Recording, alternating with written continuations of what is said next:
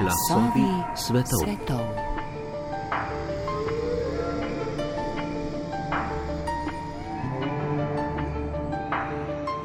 Teorija pravi, da post ali potraumatska stresna motnja nastane kot posledica izpostavljenosti traumatičnemu dogodku.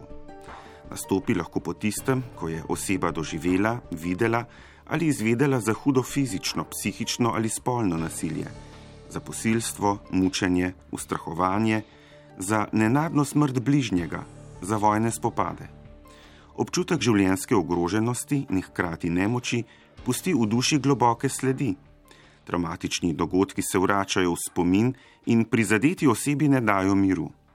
V obliki prebliskov jih podoživlja znova in znova, doživlja strah, zaskrbljenost, močan občutek krivde, jezo, osebo mučijo nočne more. Z dr. Robertom Mastenom sva se dobila na oddelku za psihologijo Ljubljanske filozofske fakultete.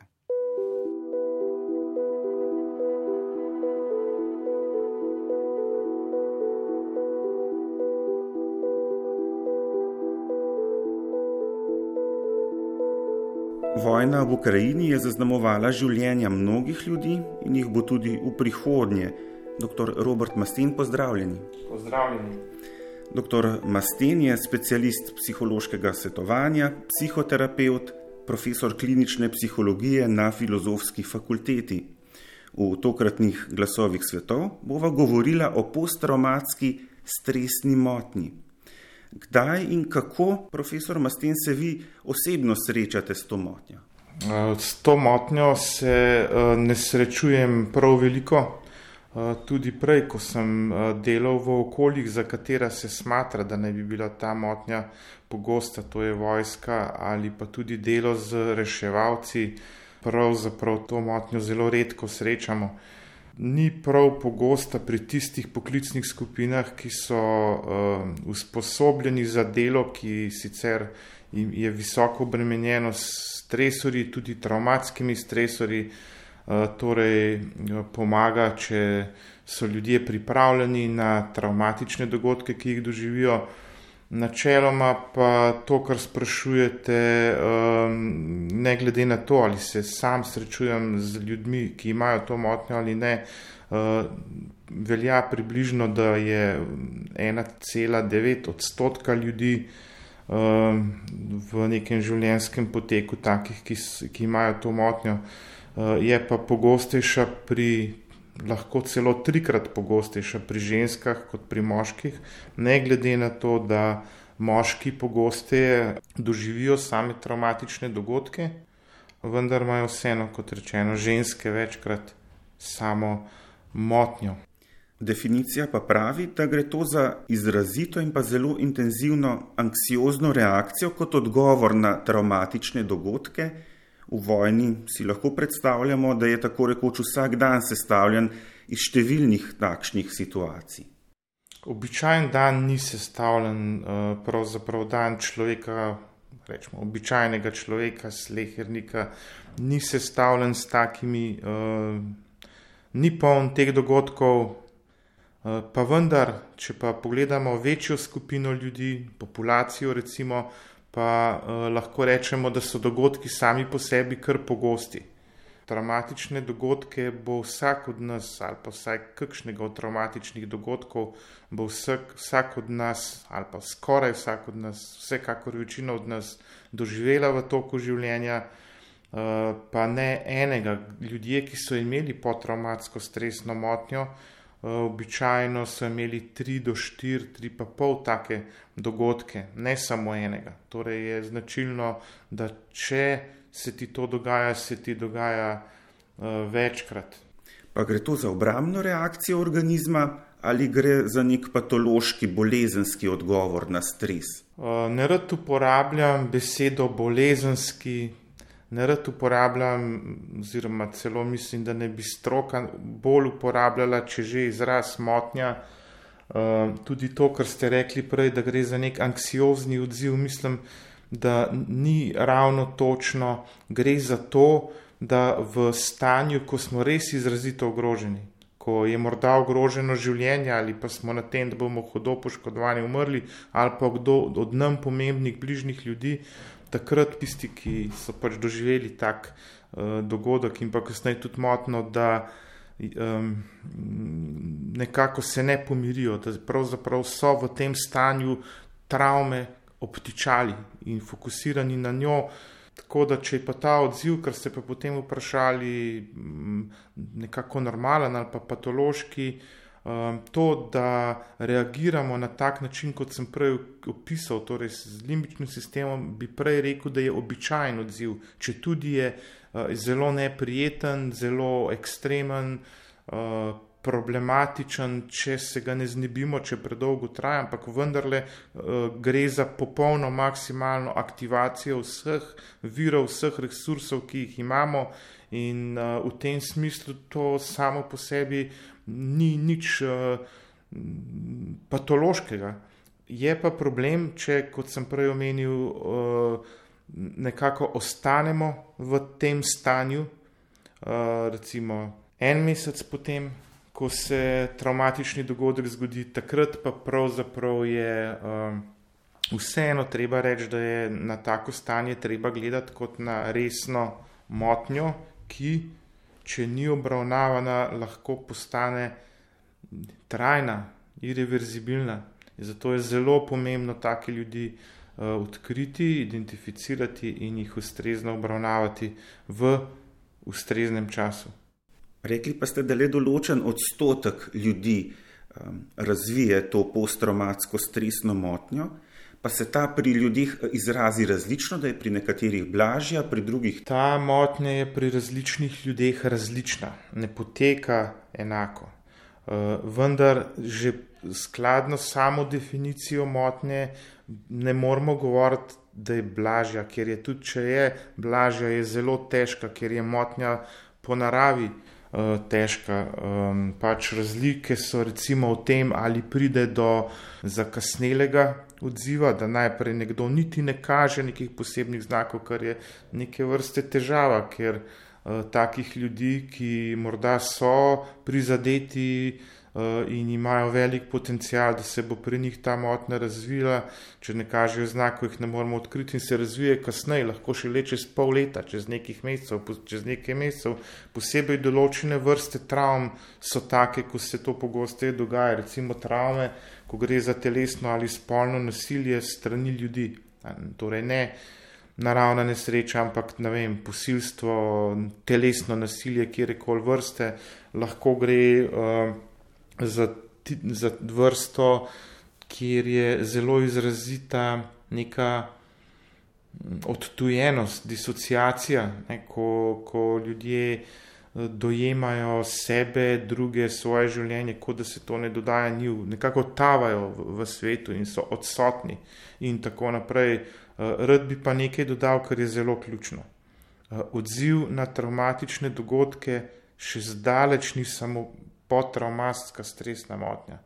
Eh, zato bi rad dodal v zvezi s tem vprašanjem, da, da ima eh, vsaj polovica, lahko pa tudi vem, 80 odstotkov ljudi, eh, ki imajo potraumatsko stresno motnjo, pridružene številne druge motnje, še, kot so depresivnost, zloraba psihoaktivnih snovi in tako dalje. Tudi druge motnje, lahko tudi take, za katere je značilno izkrivljeno doživljanje sveta, realnosti, temu rečemo psihotične motnje. Potraumatsko stresno motnjo v večjem deležu razvijajo ženske. Kateri so še ti dejavniki, ki kažejo na to, ali pa kaj pravijo raziskave, kdo je bolj ogrožen? Raziskave pravijo, da je najbolj ogrožen tisti, ki ima v času dogajanja travme ali pa takoj po njej malo socialne opore, malo ljudi, eh, na katere so v tem traumatičnem času eh, lahko zanese.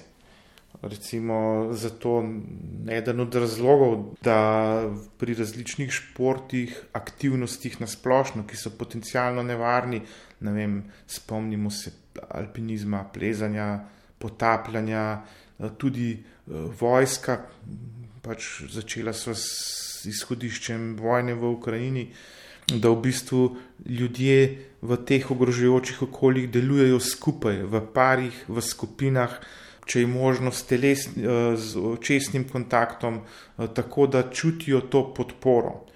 Tveganje za razvoj potraumatske stresne motnje je večje tudi, če je um, predolgo trajajoča ali preveč izrazita prej opisana disociativna simptomatika, torej znaki neke odtujenosti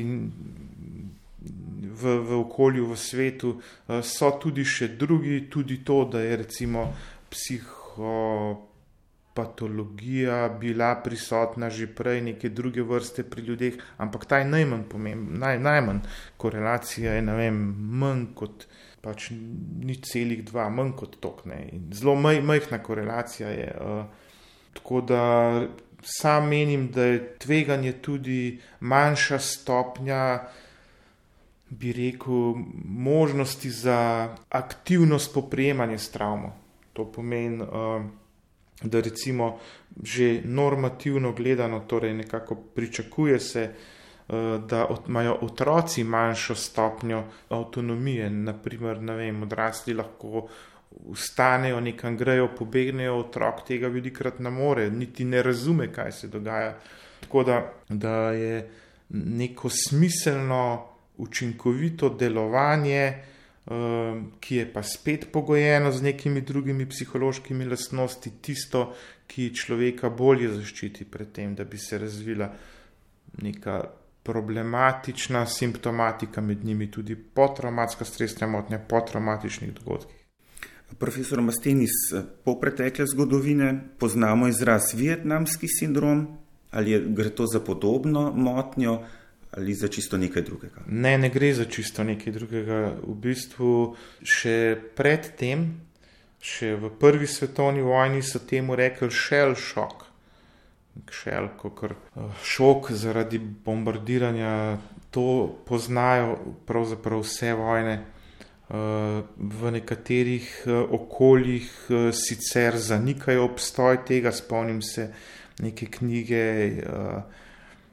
iz naše prejšnje države, ki je trdila, da je potraumatski stresni sindrom prisoten v vseh vojskah, razen v jugoslovanski vojski, točno se spomnim te strani, kjer to piše. Um, tako da gre pravzaprav za, za isti pojav. Rad bi vam, ko ste omenili Vietnam, uh, omenil, da je uh, zanimiva, tako je rečeno, uh, pravzaprav še ena motnja, ki se imenuje motnja osebnosti in je v 70 odstotkih za njo značilno, da so bili ljudje, ki jo imajo pravzaprav izpostavljeni travmi. Gre za mejno osebnostno motnjo, eh, eni celo rečejo, da je to maček po travmi, ko se pravzaprav neka osebnostna funkcionirajoča struktura podre. Eh, zaradi tovrstnih stvari, pa se, eh, traumatičnih dogodkov, pa se ne razvije potraumatska stresna motnja, ampak mejna eh, osebnostna motnja, ki je bila prvič, to sem hotel povedati, odkrita pri medicinskih sestrah, ki so že prišle domov iz Vietnama, pa so pri njih odkrili to motnjo in so pač videli, da se povezuje z traumatičnimi dogodki.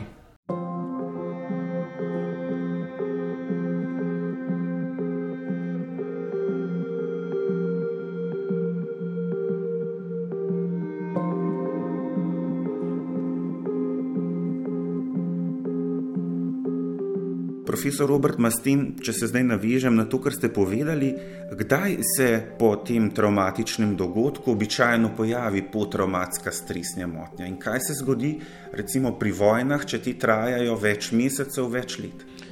Sama motnja terja proces njenega razvoja. Ne moramo reči, da je točno se motna pojavila, lahko pa rečemo, kdaj jo smemo diagnosticirati in s tem pravzaprav rečemo, da se takrat lahko pojavi to po enem mesecu, uh, zato ker različni izraziti uh, odzivi, kot je neka, neke prilagoditvene težave ali pa nek, nek močan akutni stres, uh, je značilen že prej, pa ne moramo reči, da je to patološko ali pa odraz neke motnje za številne stvari. Zato sem tudi prej povedal, da naredi besedo patologija ali motnje, zato ker nekatere stvari, ki so zelo izrazito doživljene, nenavadne, težke, v resnici niso motnje, ampak so pravzaprav normalen odziv na neko situacijo, ki jo človek doživi in potem včasih na robe rečemo, da je to kar že motnja. Ampak vseeno, eh, tisti, ki so imeli eh, ali pa ki so dobili diagnozo, so diagnosticirani s podtraumatsko stresno motnjo, so eh, ne vedno, ampak največkrat kazali znake povečanega zburjanja, kot sem prej opisal, ko prevzame limbični sistem, nadzor, če tako rečem, že prej, pred enim mesecem. Tako da je potem odvisno, kaj se zgodi s temi simptomi. Ali, ali začnejo upadati, kar se samo od sebe zgodi pri vsaj enih 15 ali pa več odstotkih, ali morda začnejo, kot sem prej povedal, celo naraščati, ali pa ostanejo predolgo časa kar enaki uh, in tako dalje. Kaj pa se med to motnjo dogaja s telesom ali pa s človekom? Ta motnja ima drastičen, lahko bi rekel, uničujoč vpliv na, kar je zelo dobro vprašanje, ne, zato ker ima drastičen, uničujoč vpliv na življenje posameznika, uh, pa vendar ima tudi rušilen vpliv na odnose, na skupnost, na družbo kot tako, če je teh ljudi s to motnjo preveč. Eh, na nivoju človeka se dogaja to, da eh, kot že večkrat ponavljam, limbični nadzor, eh, sistem prevzame nadzor, ljudje ki imajo to motnjo, so osamljeni ljudje. Oni zgubijo neko, mi ljudje imamo večji del možganov, ki se nanaša ne na posameznika, na mene, na vas kot posameznika, ampak večji del sva midva, skupnost. Ne? In uh, pri ljudeh s to motnjo je ta občutek skupnosti, ta povezanost z ljudmi, eh, to medsebojno uravnavanje emocij porušeno. Zato človek, ki ima to motnjo, pravzaprav trpi v samoti. Ne, zdaj lahko je odmaknjen, lahko se pa obnaša obratno, torej agresivno, destruktivno tudi do drugih. Zelo pogosto doživljajo, ne bom rekel še enkrat, samo te diagnoze, kot so druge, ampak zelo pogosto uh, nekako zlorabljajo psihoaktivna sredstva, niso več učinkoviti, ne morejo več delati eh, v okviru svojih poklicov, izpolnjevati svojih družbenih eh, vlog in, in zato je motnja pravzaprav res rušilna za ljudi. Izgubijo tudi, izgubijo tudi nek občutek smisla v življenju. Čutijo se žive samo, če so spet v eni hudi nevarnosti. Uh, vseeno jim je, kaj se jim zgodi, ali pa kaj se zgodi drugim. To je primer tega uh, porušenega, um, porušenih značilnosti socializacije med ljudmi. Gre za nek čustven in pa telesni odziv. Ja. Kako pogosto se pa pojavi to podoživljanje tega traumatičnega dogodka? da spomini in pa pripravljajo. Zdaj govorim za odrasle, za otroke, ki imajo eh, žal tudi pogosto to motnjo in so žal eh, pre, pogosto tudi neodkriti, nediagnosticirani. Eh, v bistvu pri njih je ta manjša stopnja avtonomnosti, zato na določene stvari, uh, znaki pri njih potekajo, oziroma se kažejo drugače. Uh, moj odgovor, najbolj enostaven na vaše vprašanje, bi bil, da se neustano ponavlja kot neke, uh, neka fiksacija, ko je travma edina trav, uh, res, resničnost teh ljudi. Nekako so zlepljeni s, s to travmo, s tem dogodkom, fokus je osko usmerjen v v, v to doživljanje travme, v te tako imenovane flashbacke, ko se jim vedno znova prikazuje v neke uh, značilnosti sanj. Um, mimo grede imajo tudi moteno zmožnost spanja, spanec je pri njih moten, tako da ja, non-stop se to ponavlja, stalno podoživljajo. Profesor Mastin, kateri pa so dejavniki iz okolja, ki lahko prispevajo, da se motnja razvije, torej poslabšajo um, psihično stanje posameznika, pa na drugi strani, kateri so tisti, ki pa lahko delujejo varovalno? Delno sem na to pravzaprav odgovoril že prej, ko sem povedal, da, se, da je najbolj pomemben dejavnik razvoja motnje prisotnost ali odsotnost socialne opore v času traumatičnega dogodka ali takoj po njem. Torej je pomembno, da prvič so ljudje prepoznani, da uh, njihovo vedenje, doživljanje uh, ni več tako, kot je bilo prav, ni več običajno. Nadalje je potrebno, ko so prepoznani, da okolje, ožje, pa tudi širše v smislu zdravstvenega sistema, v smislu družbe, nekako prepozna njihove težave in jim nudi neko oporo, ki je sicer eh, težavna eh, za ponuditi, ker jo pogosto zavračajo, ker je eh, zaupanje do ljudi zelo okrnjeno, ampak glede na vse prej opisano, je pomembno, da družba to okolje socialno ponudi podporo, oporo na ustrezen strokoven način v doglednem času. Eh, pa tudi tiste ljudi, ki niso strokovnjaki, prijatelji, socialna mreža, družina, predvsem, da se tudi njih podpre, da se jim vsaj razloži, zakaj gre, da to se ne dogaja zato, ne vem, ker je nekdo zloben ali iz, iz nekih uh, neustrezno razumljenih motivov, ampak da gre pravzaprav za, uh, za prizadetost, ki se kaže na tak način travm ali pa traumatični dogodki, sploh vojna se mi zdi, povzročijo veliko izgubo življenja, ki ga je človek poznal, vlog, ki jih je opravljal, v katerih je nastopal v vsakdanjem življenju, pa izgubo tudi ljubljenega človeka. Ja. Vojna, nažalost, povzroči veliko takih izgub. Zdaj govorimo žal o tej vojni v Ukrajini. Na začetku ste rekli, da ne bi pozabili to, kar se dogaja. Vedno znova pozabimo to, kar se dogaja. To se že, vedno znova se dogaja v vojni v zgodovini, pa vidimo, spet se je zgodila. Ne? In kar, kar je meni nekako, meni nekako zaskrbljujoče, je, je to, da so te vojne vedno, oziroma tudi druga agresivna dejanja interpretirana kot dobro namerna, kot da je to treba, kot da eh, bodi si naj bi prinašale neko boljšo prihodnost ali pa kot da so bili porinjeni v to vojno. Skratka, je neka razlaga, ko ta grozodejstva se zapakira v neko smiselno uh, interpretacijo, ki upravičuje to, da druge ljudi pobijaš. To je kot kaže značilnost ljudi, da to tako razumemo. In nismo zelo dojemljivi kot družba, da bi to uh, pravzaprav razumeli. Tudi pri nas in tudi druge v drugih državah to interpretirajo kot pogosto, interpretirajo kot da že tako mora biti, oziroma ja, uh, bolj ali manj v smislu podpore vojni. In ljudi, ki bodo umrli, ni možno vrniti ni možno vrniti, in uh, to je tragično pri tem. Meni se zdi posebej pomembno povdariti, da uh, v, tej, v teh drastično spremenjenih okoliščinah je potrebno na novo definirati neke vrednote, to, kar je v življenju pomembno za tiste ljudi, ki trpijo. Ne, uh, ne vem, recimo tukaj.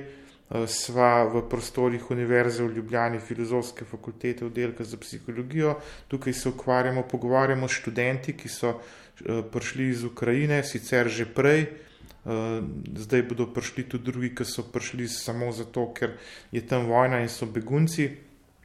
Ampak njim recimo želimo pomagati pri tem, da bi redefinirali svoj smisel in se polno angažirali Ehm, ne sedeli na stolu in se sekirali, kako je hudo, ker v resnici je, ampak, ampak da bi jim pomagali, kam se orientirati in polno aktivirati v smer tega, kar jim je pomembno.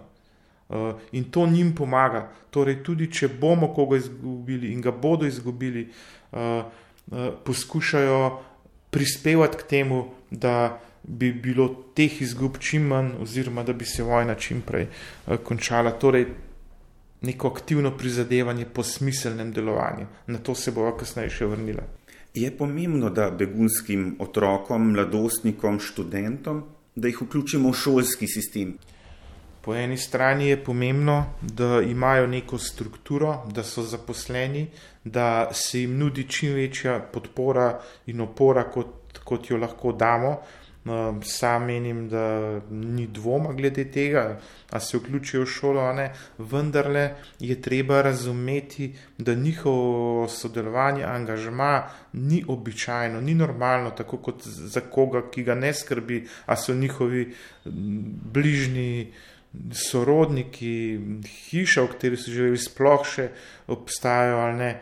Um, in, in zato si sam nekako zagovarjam to, da bi tudi prilagodili uh, te kriterije, ki so značilni za šolska akademska okolja uh, in jim omogočili neka napredovanja na mal specifičen način in pa da bi sam uh, način dela potekal tako, da skrbi, ki jih te ljudje imajo, upoštevamo.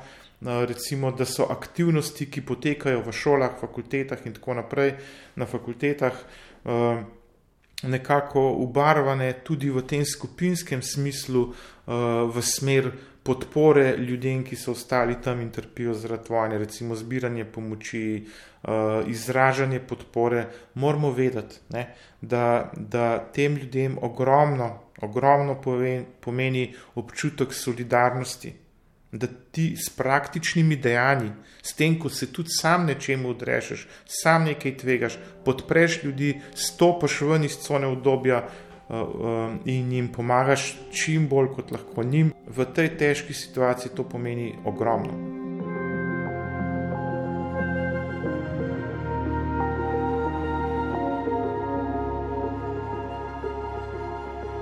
Mimo grede, do neke mere tudi naše življenje ni več normalno s tem, ko to gledamo. Vem, sicer se to spremenja, tudi različno od človeka do človeka, ampak uh, sam sem bil posebej prva dva tedna mm, zelo šokiran nad, nad tem, da je to možno, čeprav so napovedovali, ampak v to. Da se še posebej otroke, ampak tudi druge vključuje, kot sem prej opisal, neke prirejene uh, aktivnosti, je ne dvoma, ne brez dvoma, nujno. Niso ubogi, oni cenijo to, da lahko hodijo v šolo in, in, in da jih tam razumemo. Cenijo tudi to, da jim pomagamo učiti slovenski, da se, pomagamo, da se učijo slovenskega jezika in tako dalje. Mrsi kdo bo ostal tukaj. Doktor Robert Mastin, kakšna pa je lahko strokovna pomoč pri potraumatski stresni motnji? Kako pravzaprav lahko strokovnjaki, psihologi okrepite sposobnost preživetja, okrepite te moči, ki jih ima vsak posameznik, vsak človek v sebi? Izhajajoč iz tega, kar sem povedal prej, da traumatične dogodke verjetno doživi vsak od nas, eh, je vprašanje tudi, kako tisti, ki niso strokovnjaki, pomagajo ko, ljudem, ko doživijo take dogodke. To je ta opora. Ne? Um, predvsem uh, to je tisto, kar je ključno. Uh, kar se pa tiče samih strokovnjakov, je mimo grede rečeno sicer problem, uh, ker jih ni prav veliko. Uh, v nekaterih okoljih, recimo kolegi, ki sem jih ali jih še poznam, recimo iz držav Zahodnega Balkana, kjer je tudi v 90-ih letih bila vojna, so se, posebej imamo v mislih nekatere prijatelje, kolege iz uh, Hrvaške, ne so se specializirali za obravnavo potraumatske stresne motnje, ker je bilo tega zelo veliko, oziroma bolje rečeno, ne potraumatske stresne motnje, ljudi, ki so prizadeti zaradi travme in kažejo različne uh, uh, motnje, med njimi tudi uh, potraumatsko stresno motnjo, tako je pravilno reči. Uh, tako da, kot prvo, je problem sama dostopnost te strokovne pomoči. V stroki obstajajo uh, jasne smernice, kako je potrebno težave teh ljudi obravnavati, ve se, kateri pristopi so tisti, ki so ključni. Ne.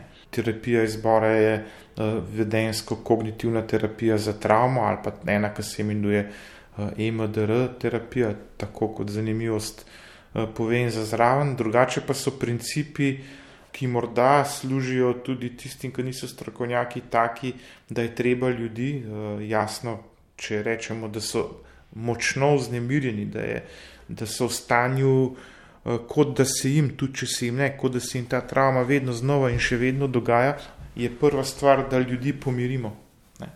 Uh, kar ni, da spet vzpostavimo to možnost koregulacije. Ni toliko pomembno, kaj jim govorimo, pomembno je, kako jim govorimo, kakšen je človek, ki nudi to pomoč, ali je umirjen, ali lahko nudi to, da bo pomirilo tega človeka, da se ponovno stabilizira. Rekl sem, da je travma običajno edini fokus teh ljudi. Torej, drugi cilj ta, da se razširi fokus na druge stvari, da travma ne bo več edina realnost, da se pokaže neke možnosti, prej sem omenil, da se bomo na to še vrnili, aktivnega delovanja v smer reševanja neke situacije. Recimo, primer povem, ko je bil ta 11. september 9-11, je otrok, ki je eh, doživel traumatične dogodke eh, in so ljudje goreli, skakali iz stolpnic eh, teh twinsov, dvojčkov, je otrok spodaj narisal trampolin. In ga, ga, so ga vprašali, zakaj pa trampolin. Je rekel, zato, ker bodo prileteli dol, da bo imeli možnost, da se odbijajo, da se ne bodo poškodovali. Otrok je intuitivno razmišljal o nekih opcijah. Torej, vedno v takih situacijah moramo ponuditi neko smiselno akcijo, kaj bi lahko ravnali, vendar v prvi fazi tega ne moremo. To, do te točke, ko to lahko ponudimo, šele uh, pride. Eh, zelo pomembna je prej omenjena koregulacija. Mi, kadar nekaj hudega doživimo kot ljudme, ljudje, smo uh, narejeni tako, pravzaprav mimo grede smo narejeni za travmo. To ni nekaj. Večina, velika večina ljudi, ki doživi traumatične dogodke, ne razvije psihopatoloških motenj. Mi, ljudje, smo narejeni za nevarne stvari, za nevarno življenje. Ampak to v današnjem udobnem svetu pozabimo ampak mi to imamo v sebi. Ko pride do nečesa nevarnega, je bazična, osnovna težnja, da mi reagiramo. Torej, se aktiviramo na vseh nivojih in usmerjeni smo v neko akcijo, beg ali boj, včasih pa tudi v to, da smo preplavljeni, da nekako zamrznemo. Ne? To, in smo potem kot neki ne vem, zombi tam, in, in v bistvu uh, je, je zelo pomembno, torej, da vzpodbudimo to učinkovito akcijo. Recimo, vojaki, a še boljše, če je ta akcija skupinska. Vojaki korakajo skupaj, ne? vojaki pojejo skupaj ne? in imajo občutek neke povezanosti, in, in to je tudi tisto, kar ta pomoč ponuja, torej neko ponovno vzpostavitev povezanosti. In zadnja stvar, ključna stvar je, da najdemo besede za to, kar se nam je zgodilo. Ljudem pogosto ni dovoljeno povedati, kaj hudega se jim je zgodilo. Včasih jim je dovoljeno, pa, pa, je, pa ne najdejo besed. Jezik je, jezik je velik učitelj psihologije. Mi imamo zamrskašna stanja, imamo uh, recimo uh, izraze, kako si, ne najdem besed, ne, da bi ti povedal, kaj sem doživel.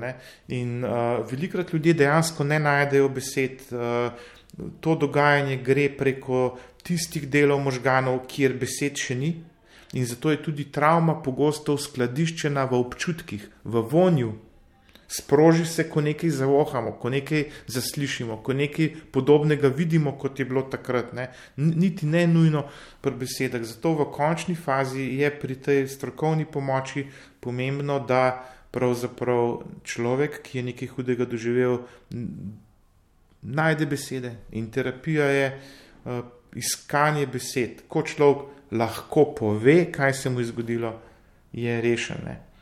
Uh, en, en znan v psihologiji, znan avtor je povedal, sicer to je v angleščini, uh, what you can't tell to mother, you can't tell to yourself. Ampak mother je M, other, to ni lik za intervju, verjeten, ampak, ampak je, kar ne moreš povedati drugemu, to je mami, tega tudi sebi ne moreš povedati. In uh, zato je pomembno, poleg prej naštetega, pomiriti, po, uh, vzpostaviti korelacijo, povezanost, skupnost, potem pa najti besede za to, kar se je zgodilo ljudje, ljudem se povrne izgubljeni smisel v življenju, uh, ko ponovno spostavijo smisel, recimo ženske, ki so bile posiljene v vojni, in tako da v tem ni nobenega smisla, ampak če pa ustanovijo grupo, skupino, skupnost.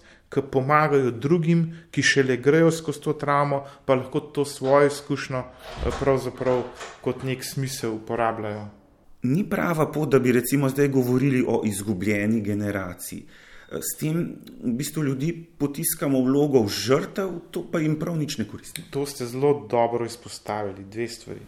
Ena je ta uh, izraz izgubljene generacije. Mogoče ne izgubljene, ampak dejansko mi imamo izraze, uh, ki nam povedo, uh, da je travma zaznamovala uh, cele generacije, ne? otroci vojne, ne? otroci spetrička in tako dalje. Ne? Vendar lahko, ni rečeno, da so izgubljene, pa vendar lahko zaznamuje, posebej, če na nekem družbenem nivoju uh, ta zadeva ni predelana. Ne. Druga stvar, ki, ki ste jo izpostavili, pa je zelo pomembna, uh, je pa to, da preveč pogosto, to je tudi učitek bil, tudi stroki, da preveč pogosto ljudi, ki doživljajo travmo, pravzaprav se temu stujko reče patologiziramo no, in pripisujemo to, da če si doživel nekaj hudega, boš pa moten ali pa to ni ustrezno. Eh, zelo pomembno je, da te, teh ljudi ne razumemo samo kot traumatizirane, ampak da jih razumemo kot tiste, ki so zmagovalci, tisti, ki so preživeli. Nisi ti traumatiziran, ampak ti si zmagovalec, ker si preživel. In, uh, in, in veliko krat je. Eh, pride do nečesa, čemu rečemo potraumatska rast, ko ljudje, ki so doživeli nekaj hudega, vojno, izgubo, smrt, hudo bolezen, grožnjo življenju in tako naprej, da na življenje gledajo z neke druge perspektive, bolj polno, bolj znajo cen stvari, so modrejši. Nekdo je rekel, ko prepadi njihovega življenja postanejo globine njihovega življenja. Tako da ne gre za obupati, ko doživiš travmo, res je, da takrat uh, se sami iz tega ne moreš spraviti ven, nismo tako narejeni ljudje, uh, rabimo pomoč drugih, vendar travma nas lahko naredi mnogo modrejše, uh, mnogo uh, bogatejše. Jaz bi tukaj rekel eno stvar, da uh, so ljudje, ki so na ključnih mestih v družbi, bolj odgovorni, da širijo neka sporočila, dajo nek zgled, ki je pozitiven tudi za druge ljudi v družbi, uh, ko, ko smo zmedeni, ko smo v neki stiski, pogledamo okoli. Se ravnamo po nekom in po to, po, neko, po komer se ravnamo, je pomembno, kakšen zgled nam dajo, recimo tudi za otroke. Se mi zdi, da tukaj kot družba kot posamezniki smo šipki, ne. ampak vedno je opcija, je možno, da bolj kot nečesa ne delamo dobro, še toliko več je možnosti, da to izboljšamo, če tako pogledaš. Profesor Robert Mastin, predlagam, da zaključiva s to mislijo. Predlagam, da zaključiva to z, z mislijo, da tisti, ki doživijo travmo, niso žrtve, ampak zmagovalci, in da doživetje travmo nudi perspektivo osebnostne rasti. Hvala lepa za pogovor in pa za pojasnila. Hvala vam za vaše vprašanje. Naslednje srečno. Srečno.